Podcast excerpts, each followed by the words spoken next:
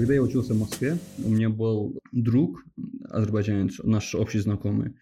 Так вот, каждое лето мы часто собирались у них дома. Там у них достаточно такой большой дворик, мы все время сидели у них. И вот там был день рождения его отца, он всех нас тоже пригласил, мы сели и там э, во второй половине вечера приехали там две девушки, и мы сидели, да, в принципе, ну, мы своей компашкой сидели, и вот приехали две девушки и начали говорить про права женщин в Азербайджане. Ну, знаешь как... Э, Знаю. Я до этого никогда не задумывался об этом. То есть, понятно то, что в целом там очень много проблем с правами женщин по всему миру. Ну, э, конкретно по Азербайджану тем более я никак там не вдавался в подробности. И вот девушка мне прям хорошенько объяснила. Там, я не помню конкретно мы про что именно говорить, но там прям все объяснила, и я задумался, типа, э, то есть есть проблема, надо там как-то ее обсуждать и все такое.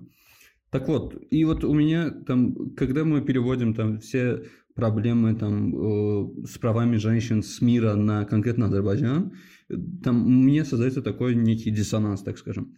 Смотри, в Азербайджане есть культ матери. То есть она, она, это прям все, там, тем более у парней почему-то прям по матери прям такая привязанность. Как так получается, что условно, да, муж, который избивает свою жену, сам относится к своей матери как к некому святому существу, да?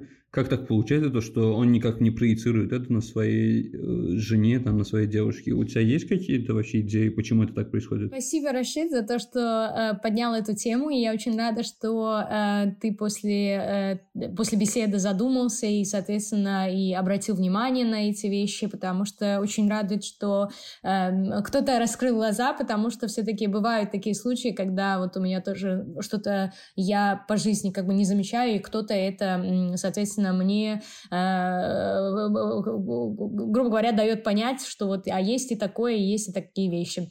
Вот, и, соответственно, это, это радует. Тот момент, э, что вот есть домашнее насилие, несмотря на то, что э, настолько возвышается роль матери, и, разумеется, вот это выражение возлюбленное, что «джаннат аналарная гандады», ну вот рай у ног матерей, да, и, соответственно, сыновья стараются там, ну, максимально придерживаться такого, знаешь, эм, респектабельного подхода к, в любых там случаях, скажем, да, и эм, несмотря на это, все равно э, показывают какие-то, ну, э, есть насилие, есть домашнее насилие против женщин, матерей, и э, как бы если они своих матерей ценят, но при этом избивают, скажем, или бьют матерей своих детей, э, тут я с тобой согласна, э, человек просто, ну, Э, не понимает, а в чем дело, что с тобой не так, как, как можно, э, то есть быть такими, э, ну, на, на английском есть такое выражение, hypocrite, hypocrite, э, э, на русском я сейчас забыла, как это слово будет, но в любом случае, как, как можно быть так, э, такими лжецами, что ли, в то, в то время как, знаете, вот у себя дома уважаешь, а, ну, мать свою, а мать своих детей, скажем, не уважаешь. И, то есть есть связь с определенными, да, есть, конечно, связь с определенными э, гендерными ожиданиями, с определенными, э, разуме, разумеется, воспитательными моментами из жизни этого человека. То есть каждый кейс тоже индивидуален, разумеется, да. Есть люди, которые видели насилие, но при этом это насилие не применяют, хотя, согласно исследованиям, э, очень часто люди, которые как бы э, видели и проживали какое-то насилие, насилие в детстве, по жизни, они тоже прибегают обычно к насилию.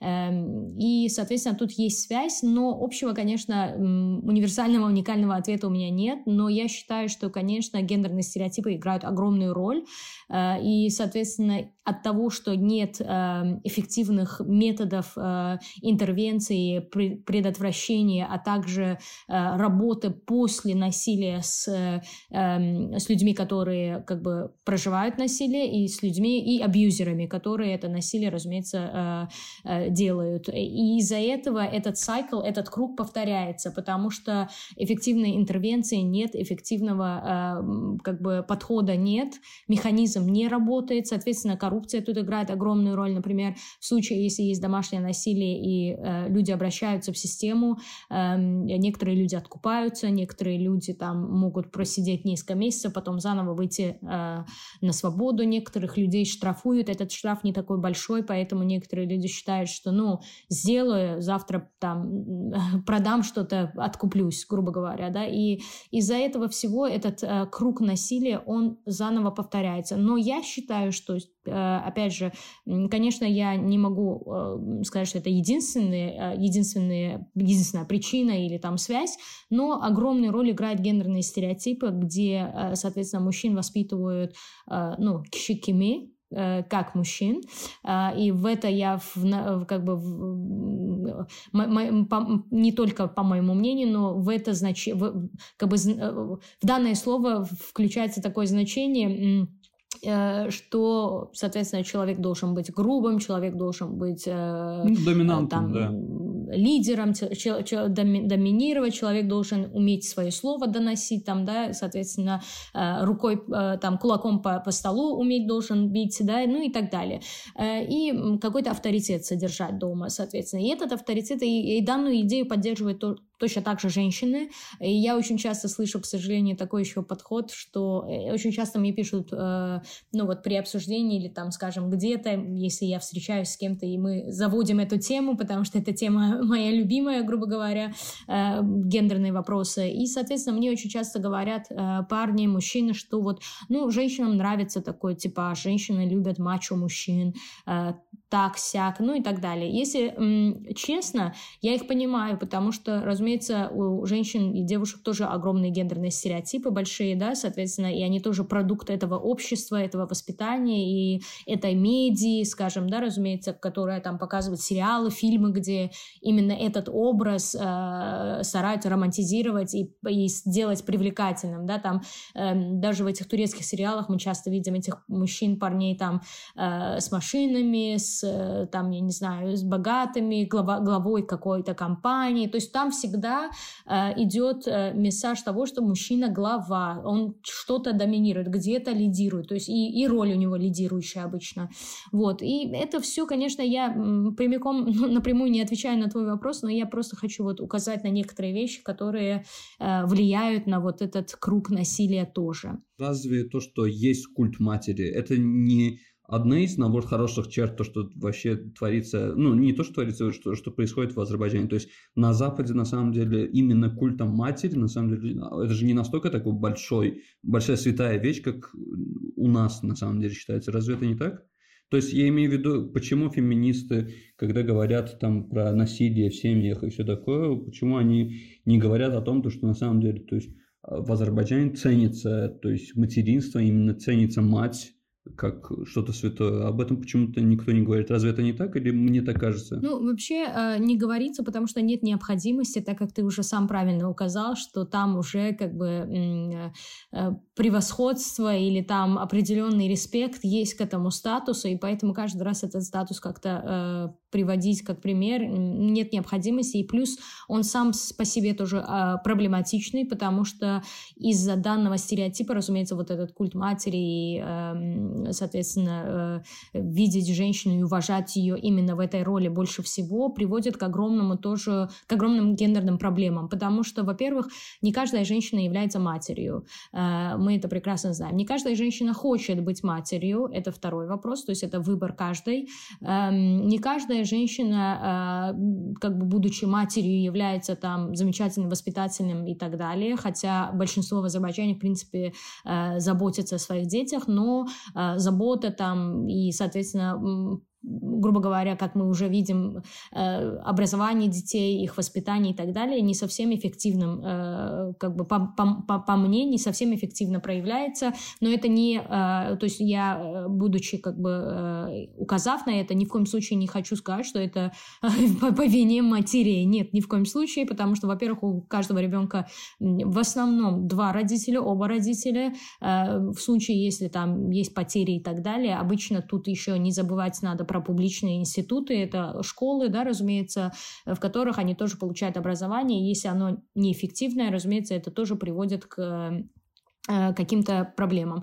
Э, но к чему я это все веду? К тому, что э, проблема в том, что женщин хотят видеть в роли матери вне зависимости от ее желания. И, и если она, разумеется, плюс еще матерью сына, это тоже вторая часть марлезонского балета, так скажем, данного, э, что если женщина не родила сына, значит, они, э, ну, э, там есть проблема, там нехватка, если даже у нее там трое детей, все равно надо родить сына, продолжителя рода, ну и так далее, ну вот эти всякие глупости. Эм, да, и, соответственно, я называю это глупостями, потому что, э, разумеется, это все исходит из-за патриархальных идей и от того, что патриархальное общество, и у нас э, как бы род продолжается по линии отца, соответственно, да, это тоже конструированная вещь, никто как бы, никто как бы, грубо говоря, если кто-то возьмет, мой, мой ребенок возьмет мою фамилию, это не означает, что род моего мужа там или там про его семью забудут, ну и так далее. Но это все как бы очень такие примитивные, я бы сказала, какие-то мысли, э, но для некоторых это играет, имеет огромное значение, поэтому эм, из-за этого, разумеется, они э, очень ценят вот э, там сыновей в семье, но и не только. И мы прекрасно знаем, что, опять же, в другое вносят, как бы другое, эм, смысловая нагрузка тут тоже другая, потому что, разумеется, если это сын сын — это диряк, это, это основа семьи, это продолжитель рода, это там, э, там ну, breadwinner, э, ну, глава семьи, будучи который зарабатывает деньги, поддерживает семью, ну и так далее. И все эти стереотипы, разумеется, давно сломаны.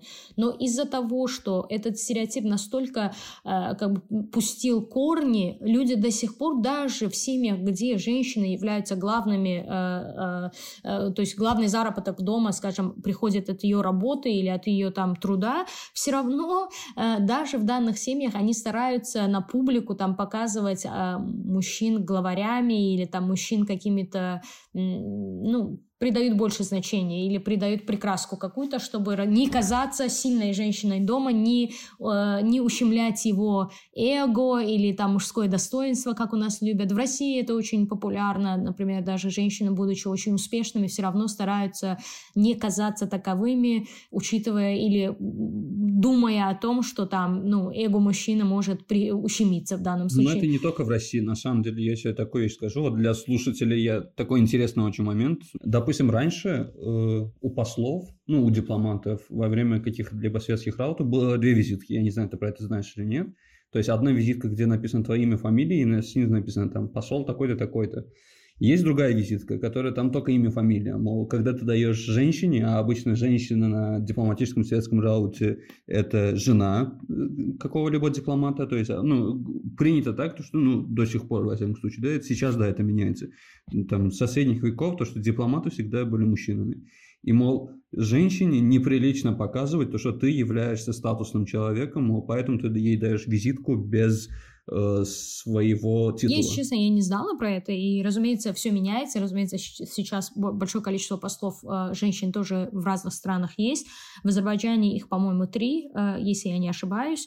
Недавно даже мы обсуждали назначение женщины-посла в Польше, хотя и очень многие люди, разумеется, очень конструктивные, конструктивные комментарии оставляли, что, учитывая систему и гнилую, гнилую свой какой-то институт, э, будучи иметь женщин в каких-то рамках, ничего не меняет, да, то есть э, если, как один, один например, э, наш член группы написал, что если там в Америке, скажем, вице-президент женщина, кидают они бомбу, скажем, куда-то, это особо не меняет, как бы, ну, ущерб, который наносится, скажем, да, на международном уровне или в других странах.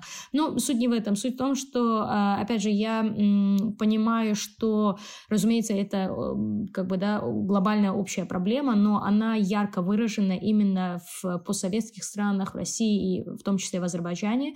Э, и, соответственно, в Европе, например, и в Америке это очень сильно меняется, и, разумеется, э, данный подход, наоборот, э, как бы, да, воспринимается обществом некорректным, неэтичным.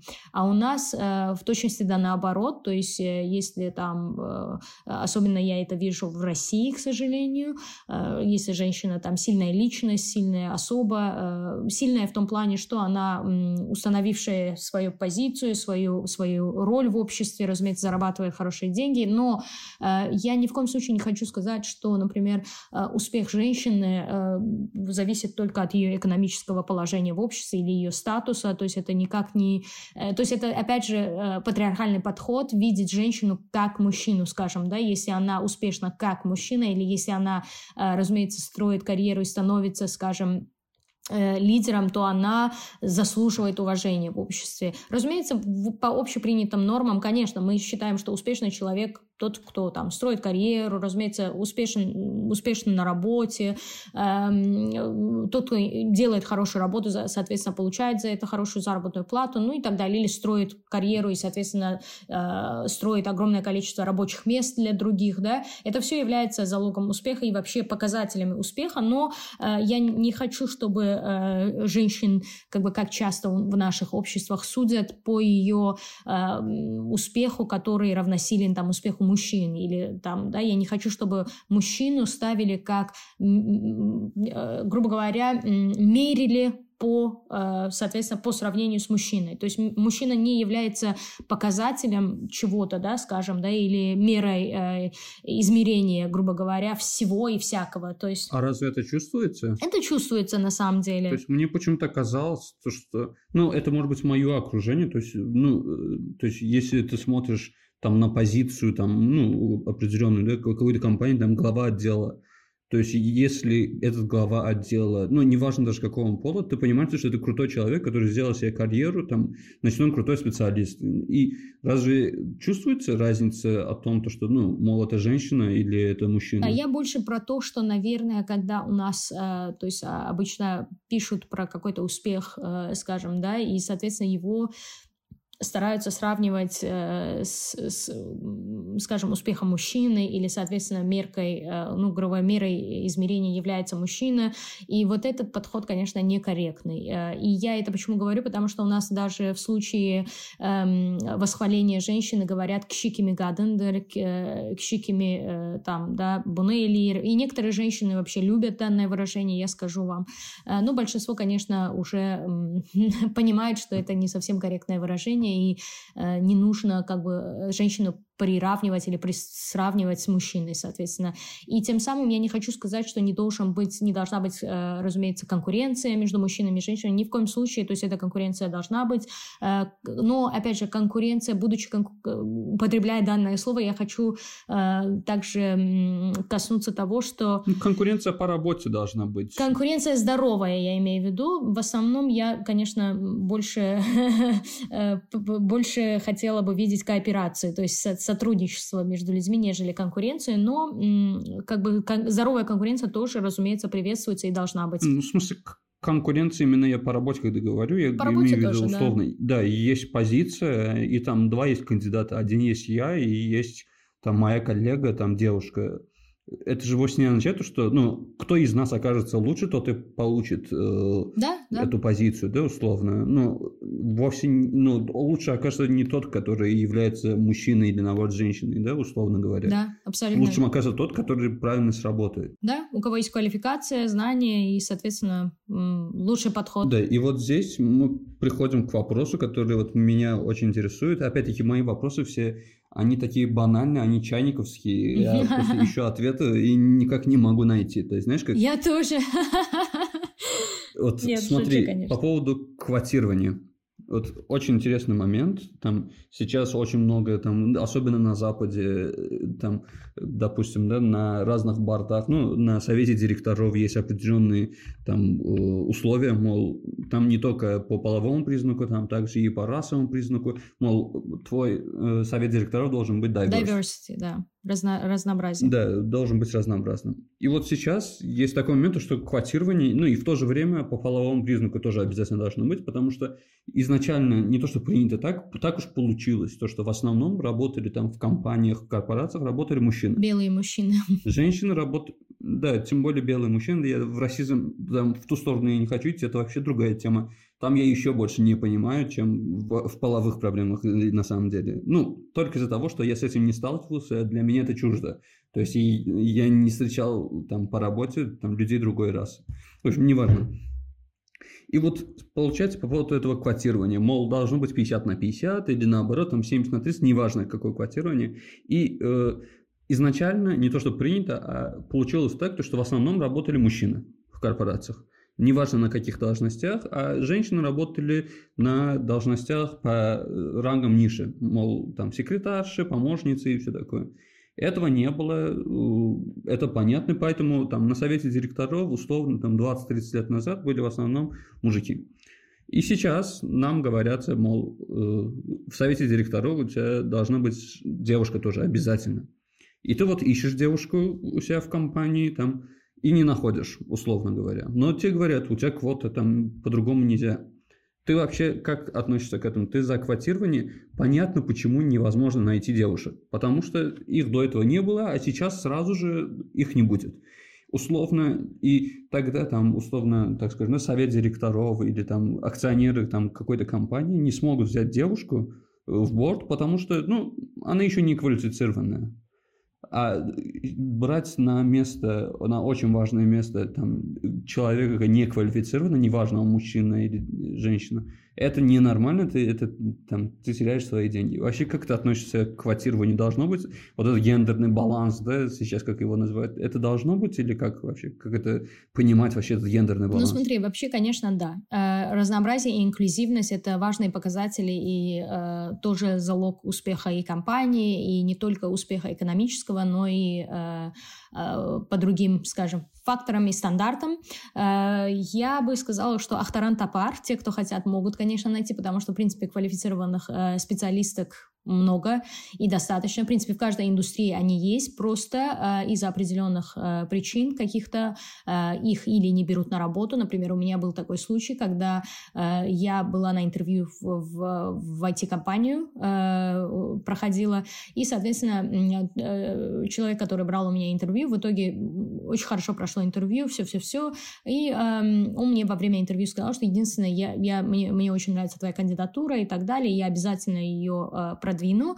Единственный момент, я переживаю, что э, там э, работники компании не захотят иметь э, коллегу-женщину, э, потому что там уже как бы своя атмосфера, там они уже по-своему работают, и, разумеется, там даже шутки свои и так далее, ну и, разумеется, не хотят, наверное, не, не, могут не захотеть иметь женщину-коллегу. То есть это, в принципе, присутствует на разных уровнях, то есть я хочу сказать, что бывают разные причины, и э, я, опять же, э, дело, когда касается квот, я считаю, что... Э, Квотирование может быть э, эффективным, но в отчасти оно неэффективное, потому что и большинство женщин, в том числе феминисток как таковых, не поддерживают данный подход, потому что, э, помнишь, я когда вначале сказала, ну, Э, особой разницы большой нет, когда система сама, есть системное и структурное неравенство и насилие, да, скажем.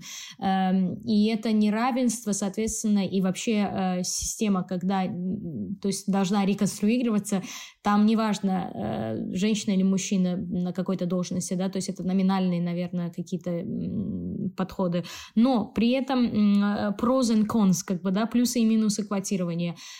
Квотирование почему не поддерживается? Потому что я уже сказала, да, скажем, назначение какой-то женщины может не изменить положение вещей, э, потому что она в minority, то есть она меньшинство, раз, а два, это может быть номинальное какая-то, номинальное назначение, то есть, грубо говоря, не иметь какого-то um, там особой смысловой нагрузки не, не, может не быть. То есть может, могут просто использовать ее э, гендер или половое, э, половую принадлежность, чтобы показать, э, там, скажем, миру, что вот у нас в компании делается, делаются какие-то шаги. Эти две причины раз. А, а другая причина, например, почему не поддерживаются, потому что частенько, когда эти женщины, в принципе, квалифицированные, умные, толковые люди, они, соответственно, нанимаются на работу по квоте, ну и что, что там квота есть, разумеется, она тоже специалистка, которая, э, ну, и квалифицированная, и имеет достаточный опыт. И, соответственно, когда этот человек вступает, ну, э, начинает эм, э, работу, к ней уже подход тоже может меняться со стороны коллег, потому что мы слышим, например, случаи, когда люди используют против, скажем, этих работников какие-то э, подколы, соответственно, что ты тут из-за квоты, ты не заслуживаешь это место, да, скажем. И такие, конечно, проблемы внутри компании могут происходить, которые э, показывают, что квота может быть не совсем эффективным подходом.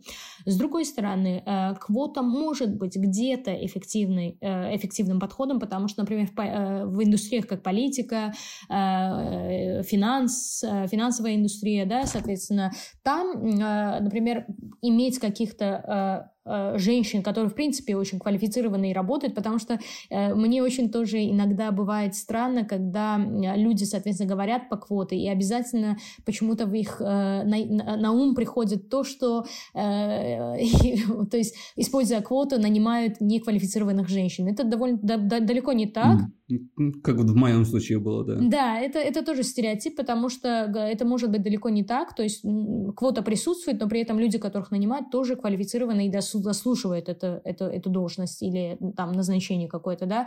А могут и нет, могут и не заслуживать, скажем, да. То есть это тоже индивидуальный подход, кейс э, зависит от случая. Вот смотри, если даже э, там э, он попадает под, смотри, квотирование Биргера, если это крутой специалист, разве есть разница, есть квот или нет? По идее же не должно должно быть. Э, да, но опять же, вот я как раз веду к тому, что положительная сторона квоты и почему вообще она была предложена. Потому что э, когда нет, скажем, если это э, male-dominated, э, э, то есть если там превалирует количество мужчин э, в компании, да, и, соответственно, ты скажем, ты или кто-то нанимает одну женщину, э, это особо не меняет положение вещей. И, разумеется, этой женщине в компании э, только мужчины. Если это только белые мужчины, э, приходится очень тяжело. Нужно, разумеется, почему квоты это 30%, это 50%, чтобы было небольшое количество, которое позволяло бы какое-то какое разнообразие и инклюзивность да, иметь в компании ну, или в институте каком-то госучреждении учреждении. И, соответственно, тут, опять же, положительная сторона в том, что representation, то есть представительность э, возникает, да, то есть если мы, например, э, я, будучи, когда росла, я э, очень редко, то есть я, в принципе, изучала политологию и международные отношения, юриспруденцию, то есть я всегда горела желанием э, быть в политике. Политику я очень люблю и очень интересуюсь. Э, я не считаю, что это грязное дело, там есть очень много хороших э, дел, и, и э, разумеется, можно много всего хорошего сделать, но, опять же, из-за систем, из-за гнилых систем, из-за, разумеется, из-за из-за гнилых людей тоже система тоже становится гнилой и неэффективной. Но к чему я это все, все веду? К тому, что я, когда росла, я не видела uh, uh, role models um, uh, женщин, uh, не наставниц, а, ой, я даже на русском забыла слово, uh, женщин Э, ролевых моделей, да, так скажем, если на русском это э, слово используется, выражение ролевых моделей в том плане, что они являются мотиваторами, они являются для меня, э, как, как, то есть если я вижу, скажем, э, Камалю Харри, Харрис, скажем, вице-президент Америки, она меня вдохновляет, и она мне дает понять, что, смотри, э, твое э, половое различие не играет роль, то есть ты тоже можешь быть президентом, вице-президентом, ты можешь пробиться в эту систему, да, Э, и это позволяет, разумеется, детям, э, людям видеть разнообразие, инклюзивность и вдохновляться этим, и считать, что вот да, э, вне зависимости от половой принадлежности, они тоже могут быть на этой позиции. Хотя раньше этого не было, да, мы прекрасно, вот ты сам сказал, что женщин не допускали на лидер, лидерствующие позиции, они были секретаршами, там, разумеется, работали на джуниор позициях э, и так далее. То есть э, тут pros and cons есть, плюсы и минусы, но э, я еще раз скажу, большинство людей не поддерживают квоты, потому что, э, несмотря на то, что они помогают развивать реп репрезентацию, презентацию, скажем, э, не только женщин, но, скажем, LGBTQI community, да, э, там э, черных людей, да, и совсем разных, скажем, из разных рас, азиатов и так далее. Это помогает, разумеется, очень многим людям вдохновляться. И также есть показания, исследования показывают, что в данных инклюзивных обществах и в, в данном окружении люди намного эффективнее работают, эффективнее у них социальная какая-то бывает коммуникация, скажем, да, вообще эффективно происходит, ну и так далее. Вот. Ну, я не совсем коротко ответила, но надеюсь, что-то смогла э, развеять какие-то, какие-то, может, или сомнения, или какие-то догадки. Вот. Ну, то есть а, окончательного ответа или подхода нет. В зависимости от индустрии можно использовать квоты тоже, но я уже как бы несколько вариантов э, анализировала для По вас. По поводу вот как раз гендерного баланса, вот, следовательно, такой другой вопрос возникает, то что понятно, как работать на будущее. Мол, мы знаем то, что нет различия между мужчиной и женщиной, То есть, ну, условно, да, по работе мы ценим его квалификацию именно по работе, там, насколько он там, неважно, целеустремленный, там, бла-бла-бла, бла-бла-бла. Это понятно на будущее. А что делать с прошлым? Мол, э, знаешь, как я сейчас подведу, к чему я это веду. У тебя вот в группе, у Земли есть классная группа, Gender Talks называется. Ну, достаточно большая группа, очень много людей. Скажу честно, иногда там бывает чисто для меня, то есть, опять-таки, в моем мировоззрении дичь какая-то прям бомбит у меня. А иногда бывает, да, то есть, нормальный факт, и здесь ничего не придерешься, и опять-таки ничего. И вон там был твой пост, кажется, если не ошибаюсь, там, если не ошибаюсь, про игральные карты было. А, да, да. Местный продукт. Да, в общем, там были игральные карты обычные, там король, королева, там валет и все такое. И, мол, ты сказала, то, что это гендер не, не, не гендер нейтральный или как-то, мол, гендерный баланс, что ли, не э, соблюдается. Смотри, условно, да, это опять-таки то, что пришло там веками или там как-то по-другому, мол, есть вот, ну, история показала так, что вот это вот так, там, ну, вот эта данность. Стоит ли вот эту данность историческую как-то менять на основе только того, то, что мы должны иметь гендерный баланс? Это, то есть, э, со стороны, то есть, человеку, который, он, мне лично, это как-то звучит не то чтобы дико, а это как-то в смысле? Ну, карты, карты, что вам карты сделали, условно говоря, да? В чем да. проблема в картах? Я понимаю. Я понимаю. Конечно, некоторые вещи бывают, э, ну, для людей... Э, такими незначительными, скажем, да, люди считают, что, ну, игра там, да, знаешь, э, зачем придираться, зачем менять вообще историю, зачем стараться там что-то критиковать, ну, любим мы эту игру карточную, да, ну, любим мы, что король там выше, да, по рангу и может бить там королеву и валета, и вальта, и, соответственно, остальные карты ниже э, по рангу. Я даже не знаю, как, как карточную эту игру расписать, но в целом, э, почему я придернулась, так скажем, да, или, э, грубо говоря, оставила комментарий, что там эм, э, является ли, э, вообще соответствует ли каким-то, или учитывают ли они какие-то гендерные моменты в данном случае. Почему? Потому что э, становление человека, разумеется, проходит через разные фазы, да, и никто, разумеется, не отрицает историю. Разумеется, мы историю, наоборот, используем как показатель того, что вот были ошибки, разумеется, мы не должны допускать эти ошибки, меняться должны, улучшаться должны, э, учиться на этих ошибках, да, соответственно, никто, разумеется, не отрицает эту историю. Э, в некоторые, э, скажем, страницы этой истории, э, из некоторых, с некоторыми страницами мы можем гордиться, некоторые, некоторые нас, разумеется, огорчают, но к чему я это веду? К тому, что эм, человек, разумеется, обучается разными методами. То есть есть уличное обучение, когда мы играем на улице, разумеется, там от ровесников что-то узнаем, от родителей узнаем, домашнее образование, школьное образование, ну и так далее. И это все нас формирует, но очень сейчас, в данном случае, да, огромный э, influence, огромное влияние на нас, на наше формирование вообще, да, действует э, медиа сама, игры разные, э, то, как мы то, что мы читаем, то, что мы смотрим, то, чем мы пользуемся, то, чем мы играем. А игры, разумеется, я думаю, что каждый согласится, игры э, подсознательно тоже что-то оставляют, правда, у людей. Э, и подсознательно вообще мы очень много информации имеем. А это подсознание, разумеется, влияет на наше сознание тоже. И когда мы играем, скажем, в игры, где есть гендерный, не то чтобы гендерный дисбаланс, но очень часто, скажем, если это королева или там, ну, в разных играх, скажем, Э, образ женщины как-то второстепенен или он обязательно на низком уровне и так далее, это тоже своего рода э, подсознательный такой мессаж, который э, является рефлексом вот того, что происходит в обществе или того подхода, который есть в обществе, да. И это к чему я это веду? Не к тому, что там, знаешь, вот каждая игра должна меняться и становиться гендерно-нейтральной, но надо это учитывать. Например, вот, соответственно, я поделилась этой новостью и также поделилась линком, где, э, где новость о том, что девочка маленькая придумала игру, в которой есть гендерный баланс, и в которой королева имеет одинаковый или даже э, высший статус, скажем, да, когда вот мы, разумеется, бьем, там говорим бита и так далее, и, разумеется, мы используем самую высокую карту, да, скажем, или карту, которая имеет высокое там значение, вот.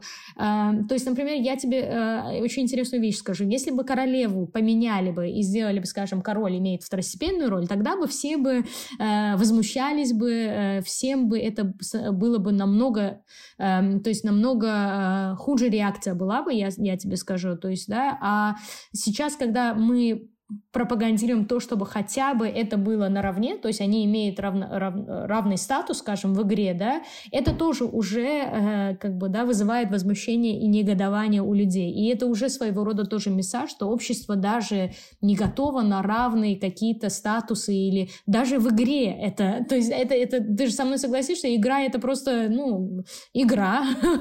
Ну даже, да, поэтому и спрашиваю про это. Даже в игре. Что с играми-то не Да, даже в игре, даже в играх люди все равно не воспринимают это. То есть даже вот, вот э, тот, э, тот, тот подход, что вот можно иметь в игре и такое, знаешь, и, и такое можно иметь, и такое.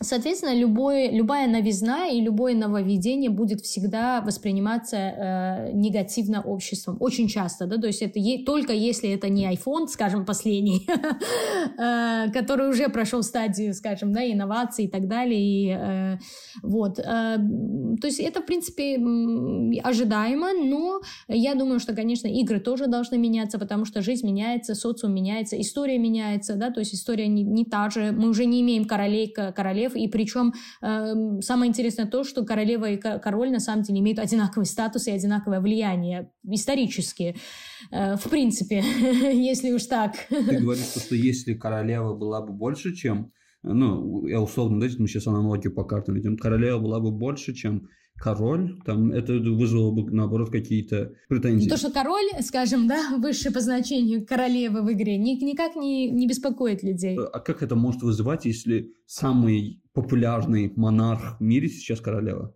Ну, условно говоря, да, там, э, как так получить, знаешь, как, неужели, не, не думаешь ли ты, наоборот, то, что сейчас там э, в Великобритании не король, а именно королева, наоборот, помогает тому, то, что мы воспринимаем эту должность как, условно говоря, ну, гендерно независящей, да? Ну, как так получается, что-то тогда все-таки королеву надо поднимать? Или, я не знаю, я смог, да, я смог когда я, да. довести да, вообще я про монархию не думаю, она меня не интересует, как бы она давно уже позади, и я ее где-то презираю тоже. Эм, это, соответственно, не то, что я поддерживаю, но это как бы осталось как частью культуры, и, разумеется, это все номинально, королева не имеет статус влияния, да, разумеется, тут парламент играет роль, э, ну и так далее э, я, когда говорила про баланс, я не говорила, что... Я, я наоборот, просто привела пример такой, да, э, чтобы немного поменять подход, поменять роли э, и представить людям другой пример, скажем, да, была бы королева выше, скажем, да, все бы возмутились, бы сказали, что, ну, где такое видано, да, скажем, а то, что, например, в игре король, скажем, по статусу выше и бьет королеву и вальта и других, другие карты, это никого не возмущает, да, скажем. Э, я к этому вела, что если поменять роли, вы же не согласны, правда, тогда почему мы должны соглашаться с данным подходом. Но, учитывая, что, разумеется, это давняя игра, и э, то есть э, никто не запрещает никому играть с этими картами, где, будучи король, имеет высокую, там, высокий статус, номинальность, но э, я к тому, что если иметь другой подход или другие карточные игры, никто не должен, в принципе, не быть против, потому что если, например, я буду обучать своего ребенка какой-то карточной игре, я предпочту, например, гендерно-нейтральную игру, э, где король не бьет королеву, скажем, да, по статусу, и э, понятно, что там туз самый высокий нейтралитет держит, но при этом, э, при этом, да, есть какие-то... Но опять же, знаешь, это, это такие... Э, во-первых, люди, конечно, это назовут мелочью и скажут, ну вот Зюма и Рашид решили там обсудить какой-то абсурд, да. Но, опять же, я к чему это веду? Это часть, это маленький пазл общей картины. Разумеется, никто, ну, да, водоймерю, да, никто тут не ругается, что вот поменяйте карточную игру. Просто если есть какой-то другой подход, а почему нет? И почему не, не не менять, э, если мы видим какой-то там другой подход или какую-то маленькую проблему, скажем. Ну, да? тебе здесь возразят, скажут то, что, мол, эта история так получилась, ну, вот исторически так, не трогай нашу игру, условно говоря, да? Ну, come on, исторически тогда мы должны не менять свою одежду, не менять свой, э, там, я не знаю, э, подход к учебе. Тогда ничего должно, все должно быть, быть статичным и стабильным и не, не меняться, не прогрессировать, не развиваться. Но это, это, это глупости. Просто люди, э, люди почему-то именно, э, когда ты критикуешь или поднимаешь вопрос там гендерного дисбаланса, почему-то, я не знаю, у очень многих людей, в особенности у парней, у мужчин, возникает негодование. И это негодование меня очень очень сильно беспокоит, потому что, э, в принципе, э, тут очень адекватные вещи, там, скажем, да, преподносятся или, или э, обсуждаются. То есть тут, во-первых, это все обсуждение, пока как таковых изменений практичных мы не видим в любом случае, да, это, это ну, только да. на уровне... Поэтому об... идут обсуждения. Да, да, то есть это только пока что на уровне обсуждения, а запрещать кому-то обсуждать или предлагать что-то новое никто не имеет права. То есть мы можем это обсуждать, мы можем прийти к чему-то, мы можем согласиться, не согласиться, мы можем согласиться что-то предпринять. То есть это, это все должно учитываться, инклюзивность должна быть. Э, и, соответственно, если кто-то считает это абсурдным, а кто-то нет, соответственно, должно быть, э, должен быть выбор для этих обоих групп, скажем, да, или там разных групп людей. Вот. Э, то есть, если кто-то хочет обучать своего ребенка или сам играть в, скажем, традиционные карты, в том числе и я, пожалуйста. Но если кто-то еще хочет там дополнительные какие-то карточные игры, то why not?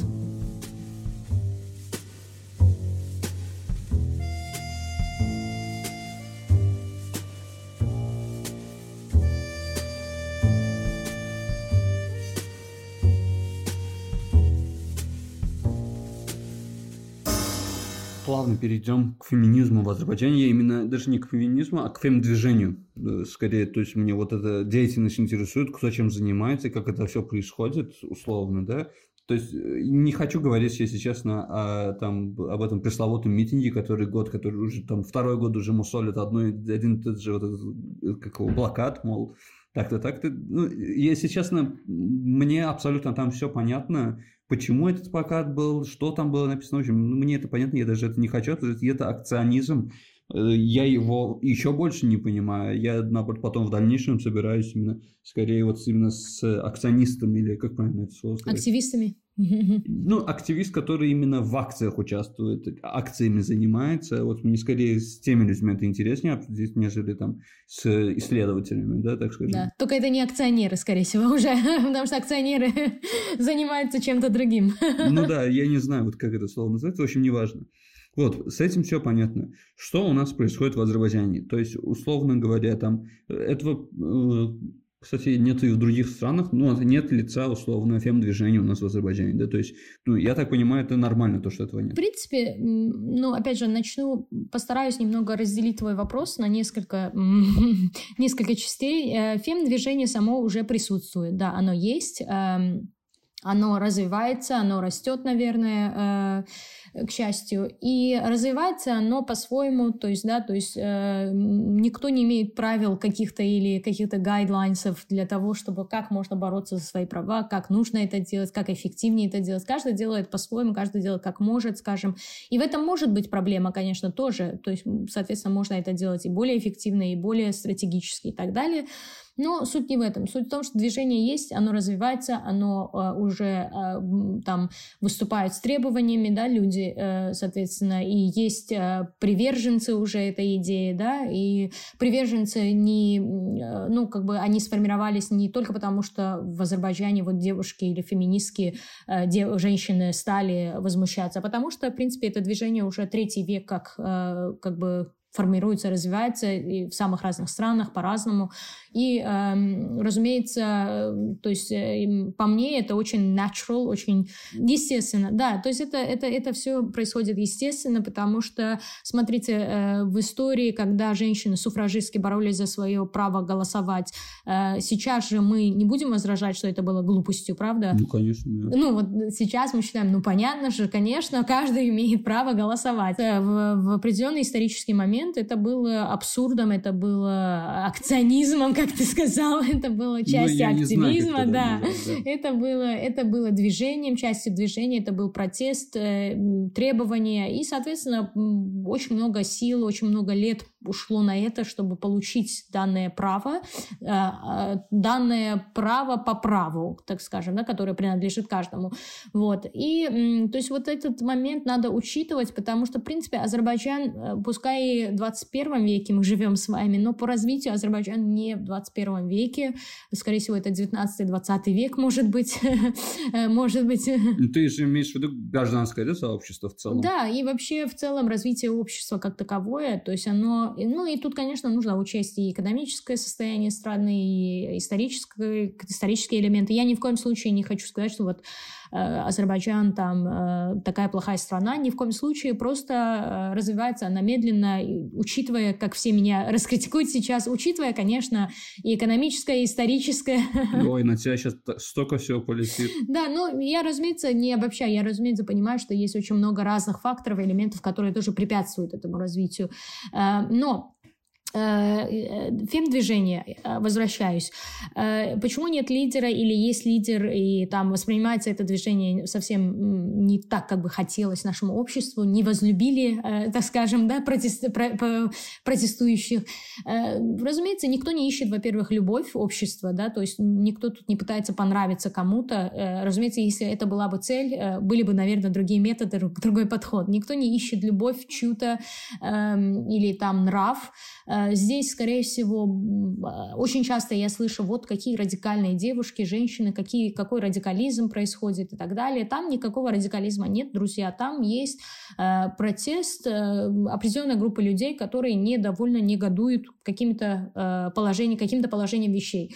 Э, называть это радикальным, я понимаю, почему называется, потому что это может привести к радикальным изменениям в стране, да, разумеется, когда мы говорим, вот тот плакат, правда, ты не хочешь это обсуждать, но тот плакат, который кричит кричит э, о том, что вот мое тело, грубо говоря, мое дело, эм, да, или моя э, вагина, по-моему, там так написано была, моя вагина не твоя, не твое Нет, дело. кому хочу, тому даю. А, да. кому хочу, кому даю, да. То есть это, конечно, это был э, Гаджихландрыджи, да, у нас говорят, раздражающий момент, и, и мне кажется, целью было тоже раздражить, потому что, разумеется, этот человек, наверное, тоже столкнулся с очень многим э, в стране, где пытаются, и я уверена, что этот человек, скорее всего, не гуляет на, налево-направо, потому что, э, опять же, тут даже если он или она гуляют, это тоже в норме вещей, то есть это выбор каждого, грубо говоря, да, я к тому, что этот человек, скорее всего, недоволен тем, что в нашем обществе очень э, сильно э, контролируется тело девушки, женщин, девочек,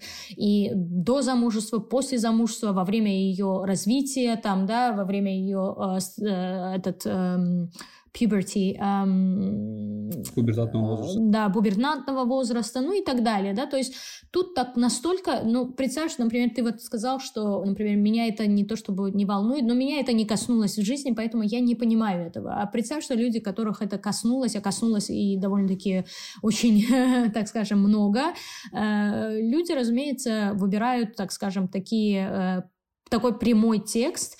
Э, конечно, мы с тобой можем э, обсуждать это и с разных самых, самых разных точек, самых разных э, углов, уголков, но, эм, опять же, это, это, это ее выбор, как протестовать, что писать, как доносить свой месседж. И никто, как бы даже если там есть какой-то лидер этого движения, ну или лидерша, сейчас феминитивы тоже используют для целенаправленно, э, даже если там есть лидер, он или она не имеет права, то есть кому-то диктовать, э, да, что, что писать на своем плакате, или как этот человек должен, э, соответственно, доносить свое негодование. Тут, опять же, или можно, можно тоже, конечно, например, в истории мы видим движение суфражисток, движение феминисток, у них были лидерши или лидеры, можно тоже сказать. Эм, ну, та же самая Люксембург. Да, то есть сама, например, ну, скажем, протест, Международный женский день был, разумеется, там как-то сформирован из-за э, лидерства Клары Цеткин и Розы, да, которые взялись за это дело и подняли этот вопрос. Там Эмили Панкхерст в Великобритании, Олимпия Дегбуй во Франции, э, скажем, да, они писали, переписывали разные памфлеты, публиковали, разные писанины были у них. Э, например, Олимпия Дегуй переписала Конституцию во Франции, ее, правда, на эшафоте казнили, но ее последний месседж был как раз в том, что я не буду участвовать или я не буду следовать этим э, правилам и Конституции, потому что я не участвовала, или мой, мой голос не учитывался э, в написании этого документа, да, и ее месседж, разумеется, она была лидером, да, уже, э, которое общество, которое ее привержен, приверженки выбрали, да, э, потому что она, разумеется, пожертвовала своей жизнью и своей безопасностью и рискнула. Там потом были случаи, когда суфражистские, э, вот был э, случай, кстати, в фильме они тоже этот момент показали, когда э, был протест, разумеется, и, э, соответственно, суфражистки старались э, идти в эти публичные места, чтобы раз, разные листовки раздавать, при, призывать людей поддержать э, да, право голоса, право женщин на голосование.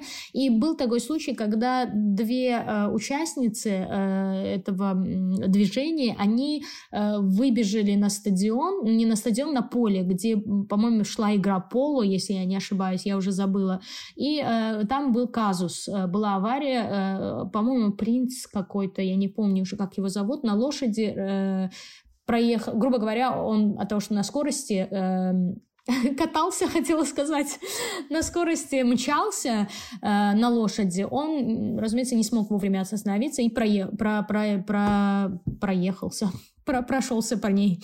Э, я не знаю, как правильно сказать. Помоги мне. Какой глагол? Ну, про... прошелся, да. Про... Прошелся, наверное, не то все равно. Проехал. Ну, проехал, да, ударил, в общем, авария произошла. Да, Неважно. да, казус произошел.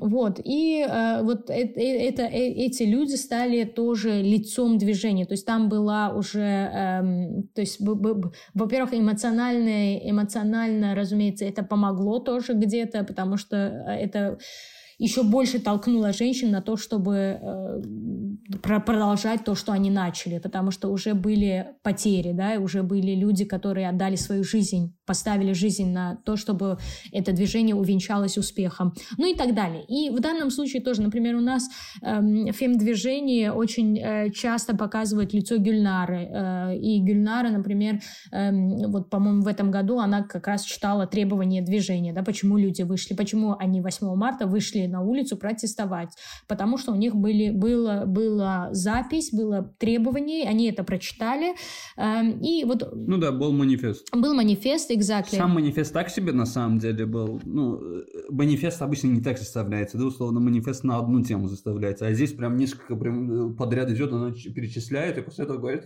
мы, мол, против всего этого. Это то есть, во всяком случае... Да, но это было, знаешь, опять же, можно назвать это не манифестом, по-другому, как хочешь назовем, но это было то, что они требовали. И я, например, э, да... Да, это понятно. Протест против чего-то, да? Э, прям были пункты. Да, то есть там, по-моему, было очень даже ясно, очень даже э, конкретно было указано, в чем проблема, почему, э, чем они недовольны, потому что, в принципе, когда, ну, представь, что у тебя берут интервью после движения, когда там 300, поли... 300 человек из полиции на тебя напали, ну, грубо говоря, да, э, и ты должна в этот момент дать интервью и быть очень так, э, ну, рационально ответить на вопросы и все это, все это доложить.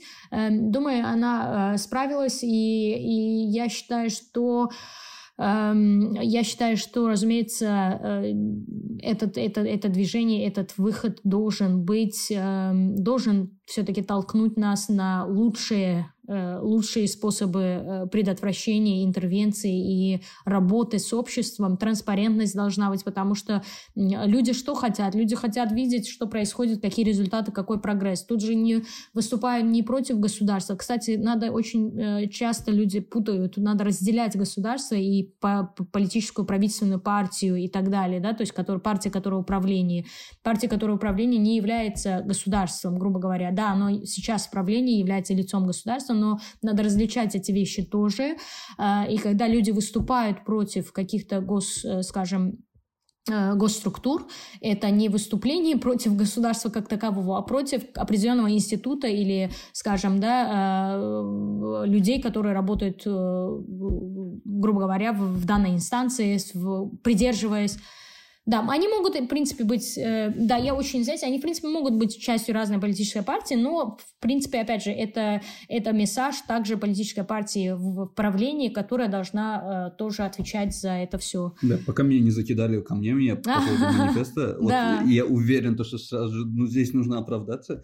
То есть у меня претензии не к самим пунктам, там да. все понятно, там все предельно ясно. Мне именно претензии к самому манифесту. Мол, манифест не таким бывает. То да, да. Я только да, это имел в виду. Можно, да, можно было лучше, конечно. Всегда можно лучше. There's always room for improvement, space. По поводу, вот ты сказала, кстати, очень хорошая вещь по поводу антиправительственных, антигосударственных, почему-то все воспринимают. Это, опять-таки, тоже своего рода стереотип так получился. Я сейчас вспомнить там все митинги, все демонстрации, которые там условно были там за последние 10 лет в Баку, там я всего лишь 2-3 максимум вспомню, которые не были напротив, напрямую в антиправительственными или антигосударственными. Там э, не был только, ну вот там два года назад, которые там девушки делали протесты. То, что, помнишь, давным-давно было про Аскер на сон. Да, да, да, на торговой. Тоже это ни в коем случае, да, это же тоже ни в коем случае не антиправительственное. Это прям действительно проблема, да. Понимаю то, что это внутригосударственная машина, да, это речь. Но это ни в коем случае не антиправительственное. И там, я не знаю, прошлогоднее тоже там шествие, которое было перед Миллиматисом, это тоже не, не назовешь антигосударственным и все такое. То есть, опять-таки, создался стереотип, то, что э, на митинги могут идти только антиправительственными лозунгами почему-то можно да. идти. Если ты не, не с нами, то против нас. Да. да, хотя митинги, на самом деле, это просто активная политическая жизнь города. Условно, твоя команда побеждает там в футболе ты сразу же выходишь в город со своими друзьями, с болельщиками и празднуешь это. Это тоже митинг, это тоже не протесты, понятно, но это тоже акция, это тоже э, гуляние, шествие, это тоже... Самовыражение тоже, да. Да, да, то есть это вообще никак не отличается. Просто, опять-таки, у нас стереотип, у нас там те же самые антиправительственные силы просто то ли монополизировали, что ли, своим, э, ну, своей деятельностью, мол, они в основном выходили на митинги. Ну, поэтому так уж получилось, что митинг – это антиправительственная вещь, почему-то получается. Да, есть такое, есть такие моменты тоже, конечно, у нас. А, вот, и я просто хотела, разумеется, в данном, в данном разговоре мы не можем коснуться всего и всякого. Я тоже не... То есть, например, есть вопросы, на которые я отвечаю просто со своей призмы, и учитывая там мою какую-то, мою экспертизу какую-то, да, скажем, и то, которое, не знаю, можно назвать экспертизой или нет, но, то есть я провожу исследования, читаю больше про это, скажем, да, и, разумеется, что-то, какое-то мнение у меня формируется, основываясь, разумеется, я отвечаю, основываясь на что-то. Эм, но, а, то есть есть обобщать я тоже не люблю и могу, опять же, я не психолог, например, есть моменты, которые, когда вот про мать мы говорим, про эти э, элементы, например, мне кажется, э, психологи, которые специализируются или, может, даже больше как бы э, читают и исследуют гендерную направленность тоже, могут лучше, возможно, описать данную, данную ситуацию. Но я могу просто, учитывая, что исследования или наблюдения являются, в принципе, методом исследования, я по, по своим наблюдениям, и, разумеется, разумеется, я тоже продукт этого общества, я тоже как бы жила, жив, и моя семья все еще там, э, постоянно как бы верчусь вокруг этих, э, этих, этих кейсов. Вот. И могу просто сказать, что еще раз хочу сказать, что гендерный стереотип превалирует в стране, и именно из-за них, из-за этих гендерных ожиданий, ролей и так далее происходит вот такое столкновение, такой конфликт между людьми. Э, и когда кто-то не грубо говоря, не ведет себя так, как принято или так, как ожидается, то там возникает уже негодование, что почему, скажем, э, будучи девочкой, ты э, хочешь работать, я не знаю, в шахте, да, там, девочки же этим не занимаются, но ты же девочка, ну и так далее, или девушка, или женщина, там, то есть этот стереотип, он во всех, во всех уровнях жизни может прослеживаться, и в том числе в домашних условиях, где, э, опять же, я очень не люблю это слово, даже вот, например, мы говорили про игры, да, это все мелочи, но элементарное слово, выражение а-ля башчасы уже некорректно, потому что, во-первых, в семье должна быть, э, не должно быть иерархии, а должно быть больше фат, э, то есть больше верти... горизонтальный какой-то подход, да, то есть и даже вот, например, ты вот упомянул это движение тоже. Из извините, пожалуйста, я прыгаю оттуда туда, туда-сюда, но э, вот, например, им искать постоянно главарей каких-то, да, искать постоянно какой-то какой авторитет, это тоже признак, э, признак нашей политической жизни, исторической жизни тоже, где мы всегда постоянно ищем Э, лидер, лидер, какой, какой-то лидирующая какой, какую-то роль, лидирующую роль. Эм, конечно, это ожидаемо. И, конечно, должны быть лидеры. Просто, например, есть вещи, где, например, в нашей семье я ни в коем случае не назову моего мужа Айля Башчиса. Ну, это вообще в мои понятия, в мои ценности не входит. Потому что если я его называю Айля Башчиса, тогда кто я? Я не пойму. Э, и если это семья, почему здесь должны быть такие разделения, как кто-то выше, кто-то лучше или кто-то там имеет последнее слово. Никто не имеет тут последнее слово. Есть, конечно, ситуации, где, скажем, э, мужчина или там а, отец может лучшее решение пред, пред, предложить. Есть случаи, когда мать, женщина, скажем, может лучшее предложение предложить. И тут больше teamwork, как бы командная работа должна быть, нежели ты вот главарь, а, а я вот подмога. Тут или, на, или наоборот, в там случае развития детей, воспитания детей, там я главарь, мать а ты подмога, скажем, помогаешь мне, когда мне надо. То есть это, опять же, я ни в коем случае тут не диктую людям, как жить, но а, как бы семейная модель должна быть э, не черно-белой, она может быть разной. Конечно, каждый выбирает то, что подходит им лучше, но э, обычно в данных семьях, где есть главарь мужчина, и вот есть такие стереотипы и роли, и разделения, проблем бывает очень много, и домашнее насилие себя показывает э, буквально сразу, я бы сказала. Эм, даже на первых стадиях их жизни, где, в принципе, должно быть уважение, интерес к друг другу, да, где-то какая-то близость же возникает позже. Мимимишность, да, да, да. И даже вот на этих стадиях это все очень ярко прослеживается и выражается. Вот. И м, насчет, э, насчет гла, глав движения феминизма, э, тут то же самое, то есть тут э, очень часто мы придерживаемся как бы не, иерархи, не подхода иерархического и патриархального, вот должен быть какой-то доминант или главарь, или глава главарь, не, да. Не, просто не, даже не представитель, просто лицо. В принципе, да, в принципе, э, я бы так сказала. Вообще феминизм, как бы, эм, пускай это, как бы, мы рассматриваем это как одно движение, оно имеет разные, разные эм, э, этот э, бранч с руки, разные... Э, Ответвления. Ой, Ответвление, ответвление, ответвление, господи. да, в общем, да, разные, разные ответвления и вообще разные направления, так скажем, вот. Э, тут экофеминизм есть, марксистский феминизм, либеральный феминизм, интерсекциональный феминизм, э, ну и так далее. И, разумеется, у каждого свое какое-то обоснование и свой подход, э, но движение, я просто подчеркну для всех, движение направлено против патриархальных обществ, где доминантно дискриминации одной, э, одной гендерной принадлежности и одной расы, скажем, даже.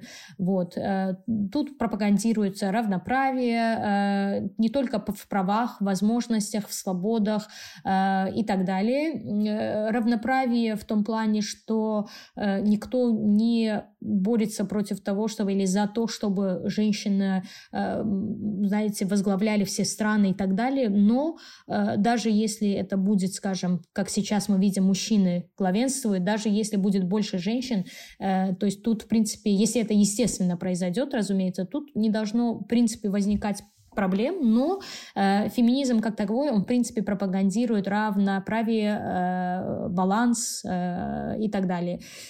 И инклюзивность, разумеется. И вообще у феминизма было четыре, э, было три волны обычно, да, и мы с вами проживаем четвертую волну феминизма. Движение возникало э, где-то э, э, ослаблялось в какие-то периоды истории. Например, был момент, когда второй вторая волна феминизма началась, потом война началась, Вторая мировая в 45-х, и в 60-х э, заново воз... это движение поднялось. Да? То есть были моменты, когда, разумеется, были упадки и ослабления в этом движении. Сейчас мы почему называем это четвертой волной? Потому что каждая волна имела свое какое-то предназначение и свои требования. В данной волне э, а, дополнительным требованием как бы являются права мужчин как таковых и, э, и людей разной, э, разной, разных групп, разных рас. Тут в основном пропагандируется разнообразие и инклюзивность, ну и так далее. Вот. И, соответственно, это делается разными путями, поэтому говорить, например, вот недавно у меня в группе, у нас в группе был конфликт, не то чтобы конфликт, а обсуждение в комментариях. Да, и... это называю срач. Это лучшее выражение, на самом деле. Да. Да, одна из участниц написала, что вот Дексинера мне очень не нравится, мне противно это движение, это, э, тут феминистический скандал, нежели феминисти, феминист, феминистское движение и так далее. То есть она очернила, так скажем, все это, несмотря на то, что вообще разговор был не о феминизме, а э, момент был о том, что назвали, э, как бы э, постоянно показывают или пишут про то, что вот женщина-пилот, женщина там э, судья, женщина-посол и так далее. И я отметила, э, как, а, не то чтобы оговорка, а вот дополнительно отметила, что не, всегда, не обязательно говорить женщина-пилот, женщина-судья, женщина-адвокат, женщина Э, посол и так далее. То есть, в принципе, мы не говорим мужчина-посол, мужчина-судья, мужчина там пилот ну, да, и так далее. точно есть... не стоит выбирать по половому признаку, ну, в данном случае, да, то есть нельзя же никого назвать ну, опять-таки, этот крутой человек, он крутой, то есть он умный, там, я не знаю, все такое, он точно не из-за полового э, различия, да. точно. Тут, разумеется, я понимаю, мы все понимаем, почему э, там назвали, написали женщина посол, потому что, разумеется, мы все понимаем, что в данной индустрии мало женщин, разумеется, там 3-4, да, по пальцам посчитать, и когда мы, э, по, грубо говоря, вот подчеркиваем э, половую принадлежность, гендерную принадлежность человека, мы даем понять, что в данной индустрии развивается развивается, там есть прогресс, то есть мы видим больше разнообразности, больше женщин. Понятное дело, но есть моменты, когда, например, очень часто в медиа пишут э, какие-то статьи, и они, э, к примеру, вот э, называется статья э, «Женщина-водитель эм, э, совершила аварию или убила кого-то», или «Женщина-судья э, там осудила кого-то», да, там и так далее. И, разумеется, тут уже получается обратный эффект, Э, нежели тот, который вот сейчас хотим мы получить, да, учитывая, что они постоянно подчеркивают. То есть нет необходимости подчеркивать, подчеркивать э, гендерную принадлежность водителя, который совершил аварию, скажем, да, они просто пытаются там набрать какой-то рейтинг, там клики, потому что, ну, во-первых, э, у нас почему-то до сих пор считают, что мало женщин-водителей, хотя их уже а, возрастает количество. Разве так считают? Вот я как раз по поводу этого хотел узнать. Да? Я не знаю, какого ты года рождения. Я, в всяком случае, 94 года. Близко. Да, там, в 2001 году пошел в школу.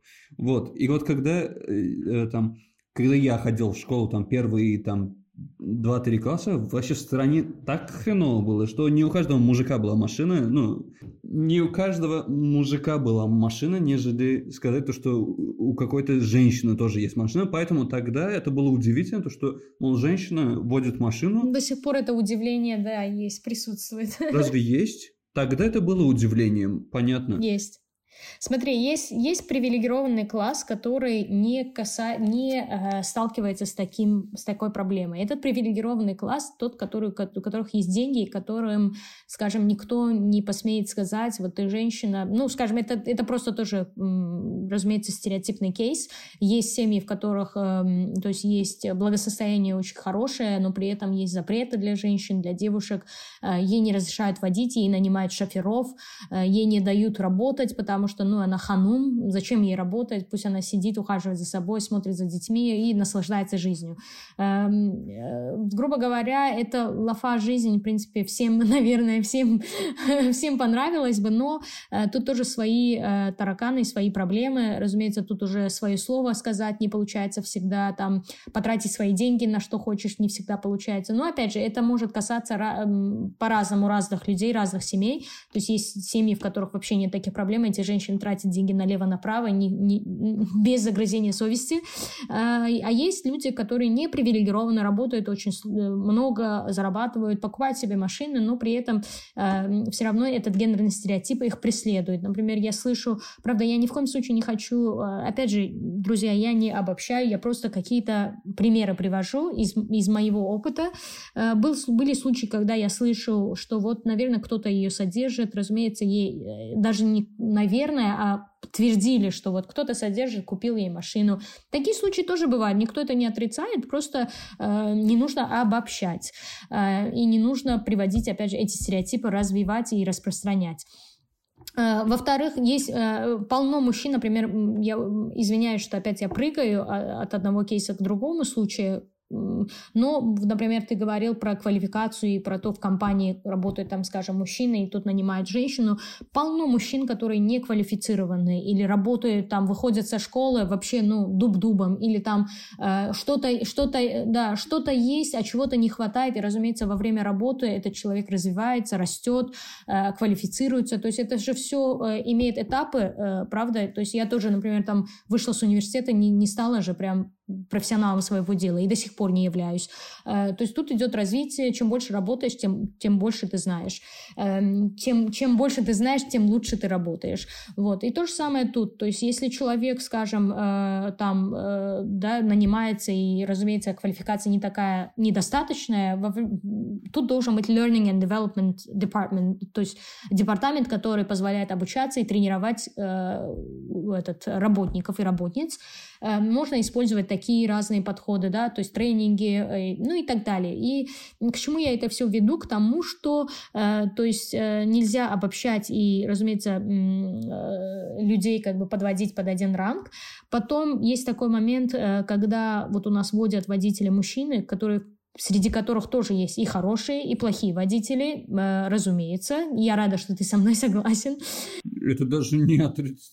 Это как, знаешь, как ты говоришь, я рада, что, что ты со мной согласишься, но Разве можно как-то ну, не есть, соглашаться знаешь, с таким есть, моментом? Мол, есть люди, неважно... Есть люди, которые считают, что вот мужчина лучший водитель или лучше водит, чем женщина. Хотя, опять же, тут обобщение идет. И я заново напоминаю, что есть хорошие мужчины-водители, но есть и плохие мужчины-водители.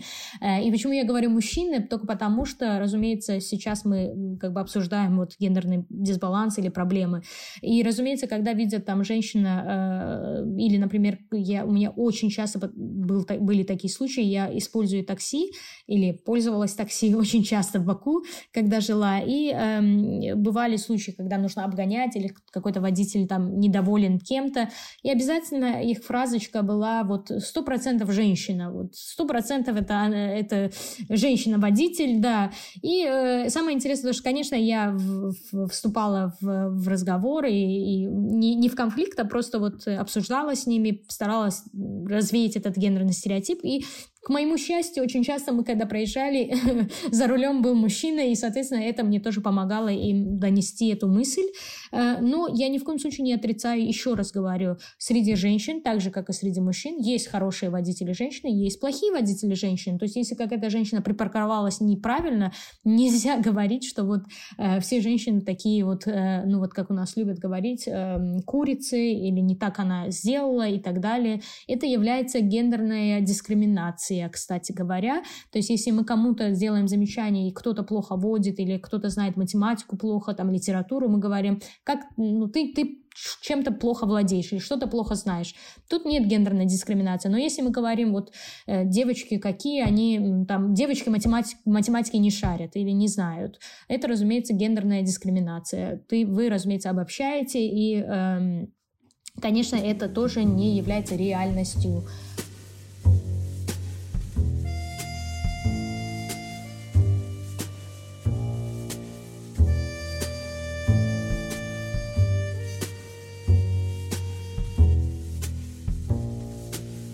Обычно, когда спрашиваешь, мол, как решить эти проблемы, всегда говорят одно и то же, там, два основных, даже не два. Первое говорят, то, что надо менять образование, которое никто не знает, как его надо менять, ну, вообще в целом, то есть, неважно, по каким, э, там, в данном случае мы про гендерную проблему, да, говорим, скажи про другую, какую-то большую проблему, которая в стране существует, скажи то, что нужно менять образование.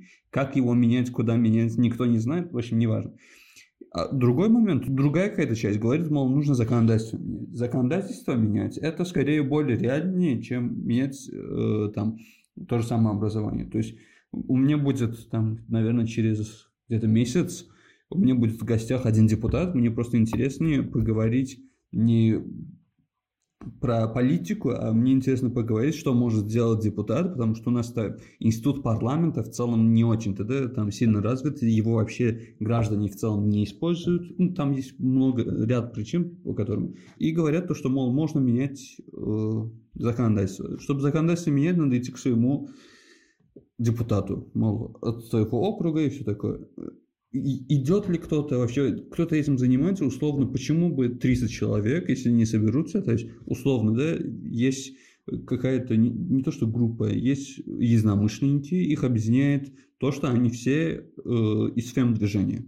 И у них относительно одинаковые взгляды даже по фем-движению. В чем проблема собраться им, там, написать, не написать даже письмо, а составить там не законопроект, а написать там сделать небольшое исследование там, в своем масштабе, и чтобы каждый пришел к своему депутату, сказал, вот, мол, есть такая проблема. Вот в прошлом месяце сан хабаром варки, там, я не знаю, около 30 женщин только за прошлый месяц э, пострадали от домашнего насилия. Давайте придумывать закон.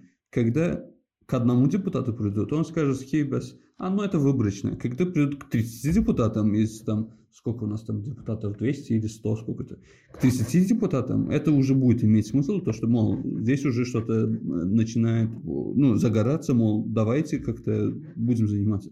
Этим же, как я вижу, никто же не занимается. Наши чем занимаются, это то, что пишут письма открытые, тоже так себе открытое письмо, с каких пор оно прям, ну, мы же, то есть не первый год живем и по всему миру видим то, что открытые письма никогда никак не работают. Раньше там э, в середине прошлого столетия еще работали, если да. То сейчас открытые письма, кто кому пишет открытые письма, это же может все-таки пойти все-таки пообщаться с политтехнологами, я не знаю, ну их у нас нет, правда, неважно. Может пойти пообщаться все-таки с законодателями, там, с юристами, а не, знаешь как, я опять-таки никого не обвиняю, то, мол, почему вы выходите на э, площадь и скандируете, там, и еще такой ужасный плакат выводите. Нет, Почему вот в этом направлении никто не работает? Или работает, я не вижу, что Вообще, я бы вообще. сказала так. Во-первых, у нас эм, э, системные проблемы, как я уже указала, структурные и системные проблемы. Пробиться на тот уровень, о котором ты говоришь, не всегда дается и не всегда получается. Э, если у кого-то филанкеса нет знакомых, нет э, каких-то связей, бывает, да, бывают такие случаи, когда ты хочешь донести свою мысль, но обязательно нужны связи, чтобы связаться с каким-то человеком. Э, и от того, что система, механизм не, не совсем эффективно работает, обычно эти письма там, они отвечают, но не обсуждаются на уровне, на котором люди требуют, да, скажем. Ответ не, ответ не недостаточен, короче, да, для людей. Вот.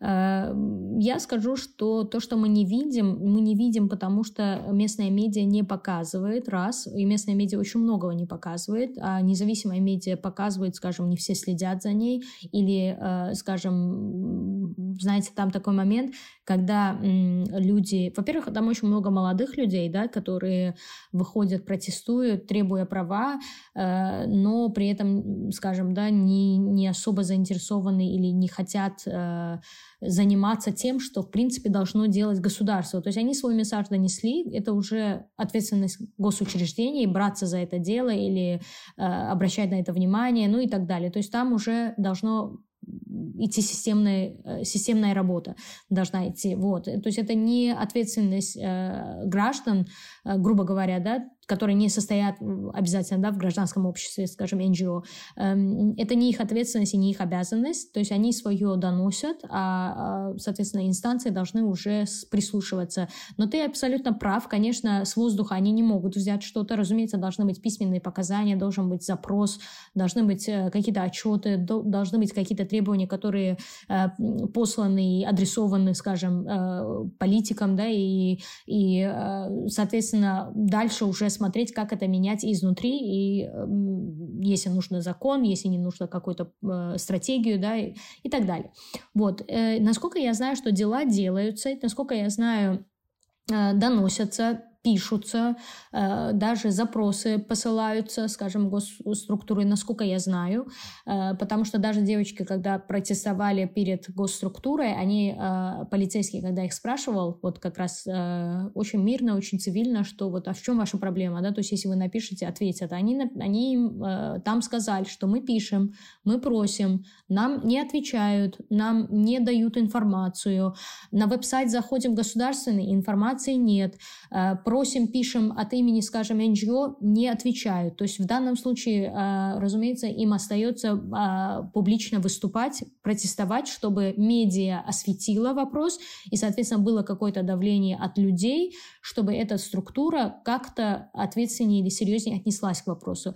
Но к этому я хочу добавить, что, разумеется, э, госструктура тоже делает что-то, делает шаги, э, что-то-то пытаются сделать, знаете, есть программы и так далее. Просто, опять же, эм, я думаю, что мы развивающаяся страна, и все еще есть огромный, э, то есть, да, огромное количество вещей, которые еще не доделали, не могут сделать, не хватает человеческих ресурсов или не хватает ума, может быть, я, я если честно, не знаю, в чем проблема, но я уверена, там несколько причин. И плюс эм, как бы, да, менять закон, например, к вашему сведению, если кто-то не знает, в 2007 году приняли закон э, о равенстве между мужчинами и женщинами, так и написано в законе. Э, там тоже есть своя проблема, которую не хотят менять. Э, потом в 2010 приняли закон о э, э, этот Prevention of Domestic Violence, превентивности домашнего насилия, по-моему, вот так будет, наверное, перевод.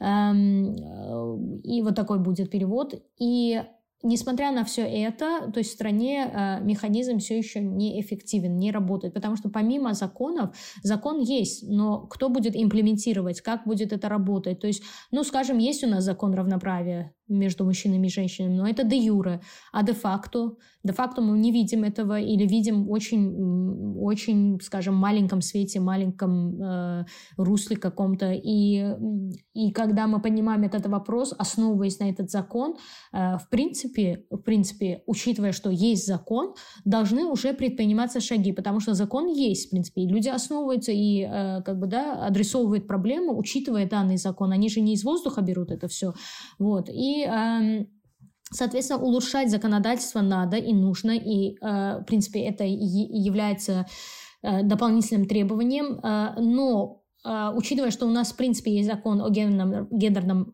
не гендерном равноправии, хотя они говорят, что это гендерное равноправие, они написали мужчина и женщина, то есть тут не все гендеры учитываются, как бы и вообще гендерная идентичность Смотри, там такой момент, то есть если ты говоришь gender equality, э, вообще надо понимать, что такое gender, э, гендер сам, само слово, чтобы понять, э, что этот закон должен подразумевать. Там есть несостыковка, грубо говоря, противоречие в самом законе. Когда они написали gender equality в скобках men and women, э, а gender, гендер как сам, э, само слово, не э, характеризуется мужчиной и женщиной, характеризуется феминностью и маскулинностью. И очень коротко является социальным конструктом. То есть, в принципе, есть уже противоречие в самом э, постановлении закона, но неважно, э, самое главное закон, не то чтобы неважно, самое главное закон есть, и закон должен работать.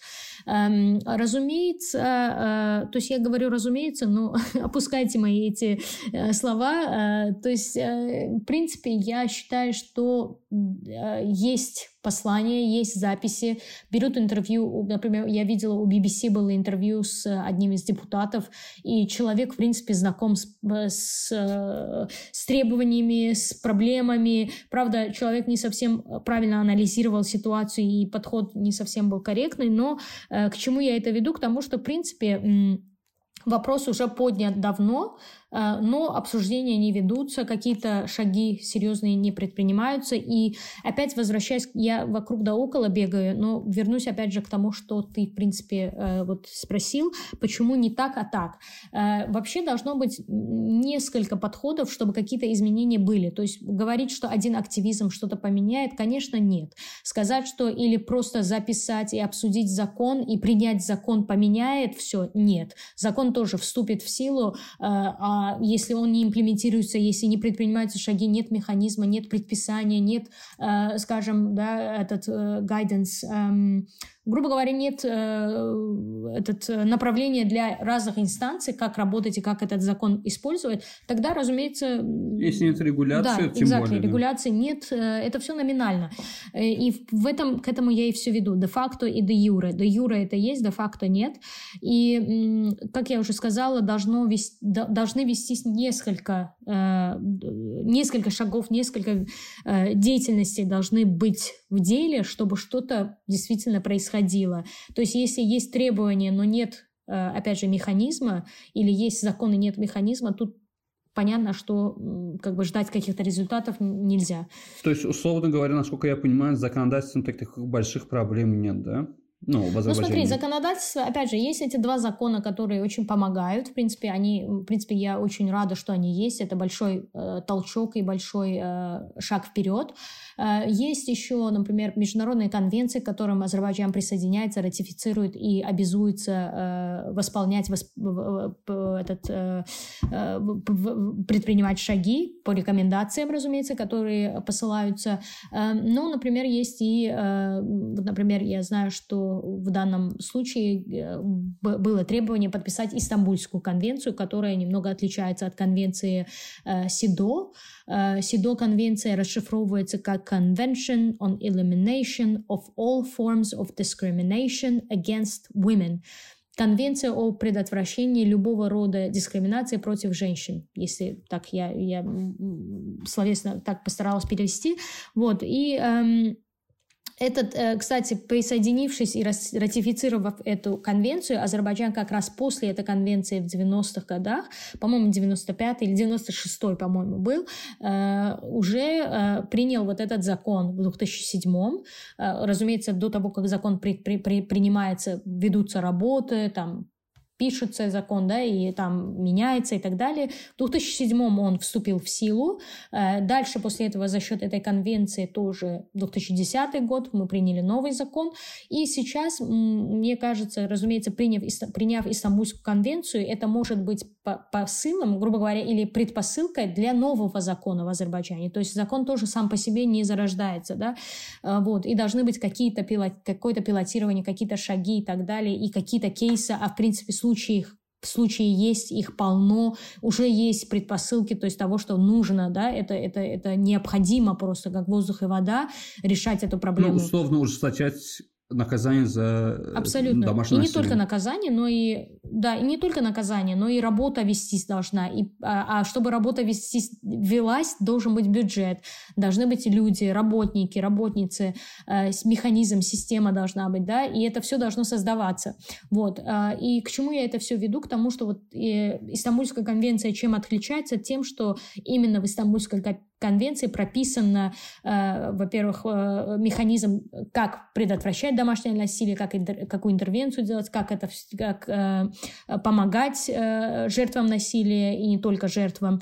Вот. И, соответственно, очень часто мы слышим, что от того, что там не только э, про женщин, но и про всех э, членов общества и гендерной принадлежности. Ну да, вот на днях опять скандал, да, возник с Турцией именно мол, да, они вообще отказались. Да, они от отписались, э, и э, это тоже приводит к огромному, к огромной проблеме в, в, в, в, не то чтобы в пропаганде, а в требовании подписать другим странам тоже, потому что Азербайджан тоже очень близок с Турцией. Но есть такой момент, кстати, по поводу конвенции. Я не знаю, это вот юрист точно лучше меня скажет, но есть конвенции, которые, ну, до недавнего, там, до прошлого года Азербайджан даже не мог вообще никакие конвенции подписывать, потому что э, были оккупированы территории, и чисто так, чисто Азербайджан не мог гарантировать то, что на всей твоей территории будет принимать, не приниматься, а то, что, твоя конвен... то, что эта конвенция будет действовать на территории твоей страны. Он не мог дать гарантию. Допустим, есть, кажется, Венская да, конвенция, есть где есть правила дорожного движения, знаки и все такое, то, что они по всему миру должны быть. Ты знаешь, что Азербайджан не смог его принять только из-за того, что у нас там были оккупированы территории, и Азербайджан говорит, что, мол, мы не можем доказать вам, то, что в оккупированных территориях точно такие же знаки будут. Поэтому мы не можем принять эту конвенцию, но мы можем там свое законодательство сделать, которое будет полностью подражать или быть похожим на эту конвенцию. Э, бывают такие случаи, да, в принципе, например, э, Америка тоже, например, не ратифицировала определенную конвенцию, и у них есть своя система внутренняя, которая якобы является эффективнее, э, но, эм, опять же, тут такой момент, конвенция не несет Тут нет, во-первых, по-моему, юридически не обязуются правительство, да, то есть, соответственно, восполнять все рекомендации. Это конвенция от того, что, во-первых, она от ООН, а ООН не, не имеет никакую конвенцию, которая требует юридической обязаловки да, от стран. Эм, она несет рекомендационный характер. И, разумеется, в случае, когда страны ратифицируют конвенцию, конечно, тут ожидается, что страна будет то есть да, восполнять эти э, упущения и так далее, но э, юридически, в принципе, не обязуется. Поэтому, но, конечно, есть требования, например, бывают требования, когда нужно э, усовершенствовать закон или его под, под, э, подвести к каким-то международным стандартам, э, и это, соответственно, требует большей, больших затрат, усилий, системы, разумеется, э, разумеется, э, восполнения этого всего, потому что, ну, в чем суть тогда, если не могут это сделать или ну, не да, хотят. Да. Есть, да. Вот. Но ко всему этому хочу добавить, что, в принципе, работает, работа идет как? То есть, если конвенция ратифицировалась, дается время, разумеется, там 4 года, скажем, да, после, после СИДО конвенции дает время стране э, восп...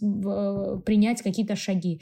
Через 4 года страна должна подтвердить, послать отчет э, о прогрессе или о изменениях э, Э, в стране, потом комитет, э, который э, следит за восполнением этой конвенции странами, которые ратифицируют, читает, разумеется, восхваляет страны за их какие-то шаги, предпринятые и прогресс, и дальше пишет рекомендации в комитет, соответственно, каждой стране, что дальше нужно делать, что нужно сделать, чего не хватает, ну и так далее. И, соответственно, вот так ведется работа между вот этой инстанцией и, международным документом и комитетом. Вот. Но это это, опять же, я, я не могу коснуться всего, там еще дополнительно много информации, которая, да, разумеется, которые люди, которые работают в этой системе, знают и делают. Но вот, грубо говоря, очень так мельком хотела упомянуть. Вот.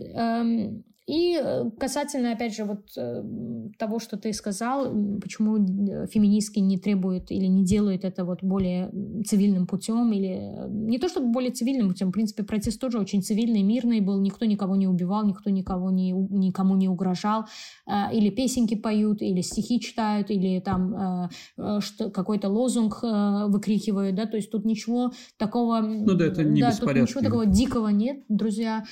Просто то, что в стране, конечно, мы этого часто не видим, это, это так радикально воспринимается людьми или воспринимается как-то неэтично, не, не, не, не соответствует нашим мен, ментальным ценностям, или как они там называют их. Э, в общем-то, эм, да, то есть я, опять же, я Считаю, что конвенция истамбульская, она очень важная, и, э, к сожалению, Азербайджан пока не ратифицировал эту конвенцию. Эм, если кому-то интересно, они могут, в принципе, посмотреть разного рода видео, почитать разного рода статьи про эту конвенцию. Да, в принципе, можно, и каждый, в принципе, может ознакомиться со всеми требованиями любого движения и быть, э, как бы, иметь свою какую-то позицию. И, в принципе, это касается всех нас, всего нашего общества. Эм, то есть поэтому оставаться в, в сторонке или говорить «я я аполитичный человек, или я не интересуюсь, или меня это не касается. Конечно, некоторых это может не касаться, но э, может коснуться кого-то близкого, кого-то там, со, какого-то соседа, соседки, родственников. Понятно, что никто в обществе, в социуме отдельно вообще не живет, да, то есть мы, мы все являемся частью этого общества. Вот. И э, к тому, что ты сказал про образование, я не знаю, наверное, люди устали от моего голоса. Ты правильно сказал, конечно, очень много э, проблем э, при обсуждении многих проблем все ведется к образованию очень часто, да, и, разумеется, к системе политической. Э, образование, я считаю, что тоже является ключом и ключевым э, моментом э, в данном вопросе тоже. Но э, образование само по себе, конечно, тоже не, э, не решит эту всю проблему. Э, тут должны быть из, изменения идти должны не только на образовательском, образовательском уровне, но и на политическом, на социальном, в разных инстанциях должны вестись разного рода работы, программы. Ну вот я про это и хотел сказать, потому что когда ты сказала то, что, мол, э, ты не можешь обратиться к депутату, потому что у тебя нет связей, ну, ты сам виноват в этом, грубо говоря. Ну, мы сами виноваты в том, то, что мы не можем достучаться до своего же депутата, которого сами же выбирали. Ну, они, конечно, с этим не согласятся, потому что, в принципе, они скажут, что они всегда открыты, двери 24-7 открыты. Но... Ну, да, да, это Берьяна, да. Но я про то, то, что если ты не можешь связаться со своим депутатом, это твоя проблема. Значит, ты выбрал, во-первых, либо не того депутата, начнем с этого, либо же, если ты даже его выбрал, но ты не ознакомился с его там политическими там взглядами и все такое. То есть если, э, знаешь, как э, вот в этом смысле у меня тоже претензии такие своего рода к активистам фем-движения, мол, они почему-то за какую-то определенную проблему борются. Хотя проблем полно, то есть, условно говоря, да, то есть, если ты пойдешь к своему депутату и скажешь то, что Гаден Зорахилаха проблемы var, он тебе скажет, а почему ты мне не поддерживал, когда я шел там с такой же... Он или она, э, потому что ну, среди депутатов женщин ну, тоже много. Ну, неважно, да. Депутат, да, депутат, я, опять-таки, видишь, я не различаю никак на женщин он, у тебя, она у тебя спросит, мол, а почему ты не поддерживал или ты не поддерживала меня, когда я ходил там, я не знаю, с лозунгом по поводу коррупции, мол, я не хочу, чтобы коррупция была, почему ты тогда меня не поддержал? Как ты вообще, э, условно, да, как э, там активист фем-движения может прийти к э, там, депутату или к своему там надсобранию, неважно, к Белядия или куда-то еще, и сказать, Хибас, мол, поддержи меня в этом, но в этом я тебя не поддерживаю. Это же тоже с одной стороны, неправильно живое гражданское политическое общество получается. То есть ты выбираешь своего представителя в законодательном органе.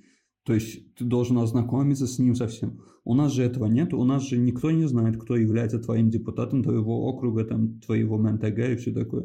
Вот в этом вся проблема, и не только проблема. Вообще знают, я считаю. Я, я, я, насколько я знаю, люди, в принципе, знают. Очень даже хорошо знают, э, кто назначен, кого они выбрали, а выбрали, э, там кто как чем занимается. В принципе, люди очень хорошо знакомы, я тебе скажу, но это те люди, которые работают, да, скажем, да, уже чем-то занимаются или они как-то э, нуждаются в том, чтобы э, знать это, это все, да, то есть потому что это касается их работы, бизнеса или эм, они в госучреждении работают.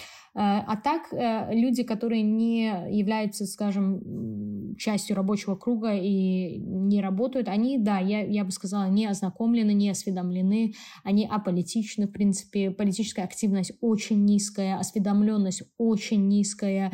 Э, и, если честно, я бы не сказала, что ведутся прям такие хорошие работы для того, чтобы это э, предотвратить или как-то улучшить. Я не вижу этого, я не вижу листовок, я не вижу выступлений э, эффективных, я не вижу дебатов политических, я не вижу вот-вот-вот-вот только вот недавно начали вроде, и то я считаю, что это, скорее всего, из-за карабахского вопроса начали очень активно. Э, вот я видела передачи также, где домашнее насилие начали обсуждать. Меня это радует, в принципе. Призывают, при, приглашают, стараются что-то делать. Это тихо-тихо происходит, но я бы не сказала, что на политическом уровне люди как бы очень хорошо осведомлены, что да как делать. Люди до сих пор пишут письменно Ариза.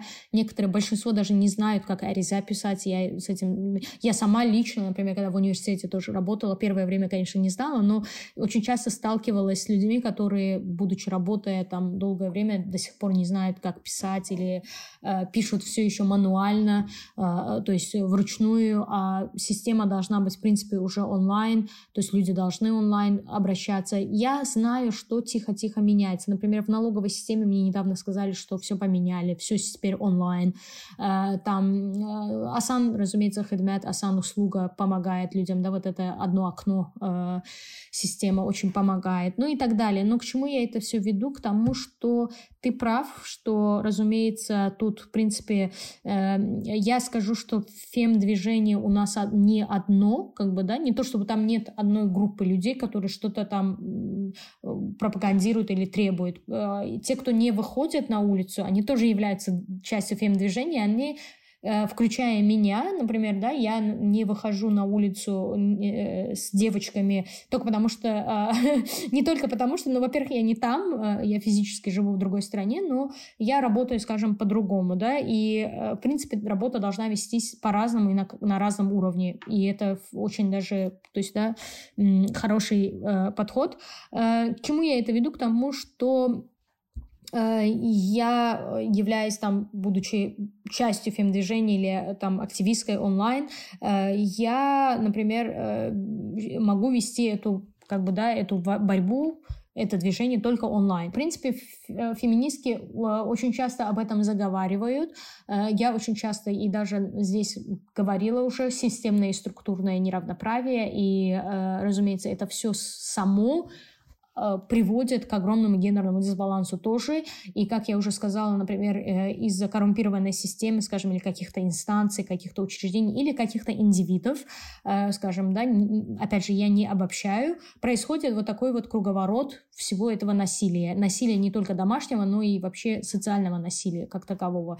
И, опять же, я, например, учитываю, говорю об этом, разумеется, да, но когда девочки, скажем, выступают на улице, понятно, что они будут конкретно какую-то тему, какую-то проблему э, озвучивать, оглашать, потому что, э, опять же, э, тут еще надо учесть сенситивность э, полит обсуждений в стране, потому что это, в принципе, очень сенситивная тема, и э, не каждый об этом говорит, не каждый может или умеет, и, и ну и, соответственно, происходит так же, как, как, как ну, тебе сказать? То, о чем мы сегодня говорили, что-то было разве там страшное, мол, об этом нельзя говорить. По идее же не было. Я прокритиковал то, что нет гражданского нормального общества, которое может там бороться за свои политические Нет, права. оно есть, и, и оно Именно было. Выбирать, оно да. есть, и оно было. Я, я просто хочу веду к тому, что это не гражданское общество, а, а другая сторона. А, и я к чему это подвожу? Вот, например, в 2015 году был, а, грубо говоря, такой а, облом, взлом, что ли, я не знаю, как это назвать, но а, был persecution. А, преследования, так скажем, да, э, очень много э, организаций гражданского общества закрылись, э, их заставили также закрыться и так далее, и это ну, делалось с целью, чтобы предотвратить какие-то вмешательства извне, какое-то финансирование. Финансирование, если нет финансирования, ты прекрасно знаешь, что работа тоже ведется неэффективно или э, медленно, да, разумеется, должны быть финансы, чтобы что-то э, делать, что-то исследовать, э, нанимать кого-то, ну и так далее. И к чему я это веду? Уже шестой или седьмой год, как гражданское общество страдает, потому что не разрешается, нет э, как бы условий, где бы оно развивалось. И Разумеется, это, скорее всего, делается с каким-то политинтересом, да, разумеется.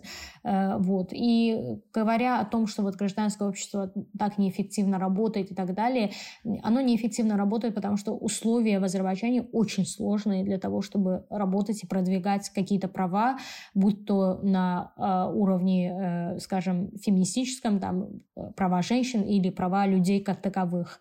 Э, в принципе. Вот. И, эм, но ко всему я бы просто хотела добавить то, что, эм, опять же, фем-движение, оно совсем недавно началось в Азербайджане, и, разумеется, будут и ошибки, будут и успехи, будут и как, будет какой-то прогресс, будет какой-то бэклаш, то есть какое-то невосприятие. Это все, естественно, когда есть какой-то знаешь, какая-то группа протестантов или движений, не протестантов, протестующих. Э, вот. И эм, Соответственно, я считаю, что, я считаю, что Фем-движение нужно э, в Азербайджане, так как проблем выше крыши, и, в принципе, э, феминизм, в принципе, пропагандирует все то, что государство обещает и, э, грубо говоря, представляет народу. Это равноправие, это благосостояние людей, это инклюзивность, это возможности, свободы и так далее. То есть, в принципе, государство и государственные чиновники и политики об этом гласят, и люди движения это, в принципе, повторяют и просто хотят, чтобы люди, которые, вот политики, и которые об этом говорят, придерживались своего слова и, э, разумеется, э, вот accountability, я забыла, to keep them accountable, держать их, э, грубо говоря, в доверительном грубо говоря, э, требовать от них восполнения своих обещаний, да, то есть то, что они, в принципе, говорят и обещают, вот. И э, когда дело касается еще вот института доверия и вообще доверительных отношений, вот этого тоже нет, поэтому очень многие люди не прибегают даже, считают, что это неэффективно писать, там, требовать закон и так далее, потому что, будучи имея закон, не видя результат, люди уже прибегают к другому какому-то методу. Мне кажется, доверие тоже немного подорвалось, э, не немного, а подорвано среди между людьми и госучреждениями, э, потому что, ну, опять же, из разных самых факторов коррупции, там, да, каких-то других моментов, вот. И из-за этого тоже, скорее всего, не происходит вот такая командная работа. Есть раздвоение, два фронта ну или несколько фронтов. И, конечно, я говорю от своего имени, я не представляю никого и ничего. И, разумеется, мое тоже субъективное мнение основывается на что-то, на какие-то показатели, но эти показатели тоже меня, могут меняться со временем, и мое мнение может меняться, и подход. Сразу видно, что ты в живешь. Дисклеймер. Да, мол, нужен обязательно дисклеймер. Там в правовом обществе обязательно нужен дисклеймер.